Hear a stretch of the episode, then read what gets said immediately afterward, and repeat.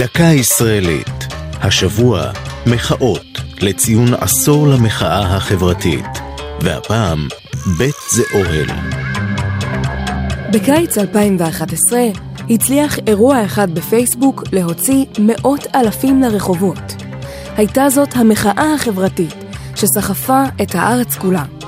היא פרצה על רקע מחאות דומות ברחבי תבל, כמו האביב הערבי, והגיעה אחרי שורת מחאות צרכניות בארץ, דוגמת זו שנגעה למחיר הקוטג'.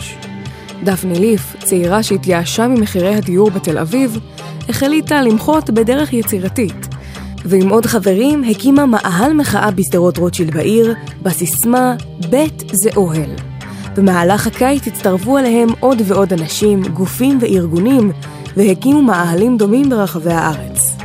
מה שהחל כמחאת צעירים על מחירי הדיור, הפך למחאה כלל ישראלית על יוקר המחיה.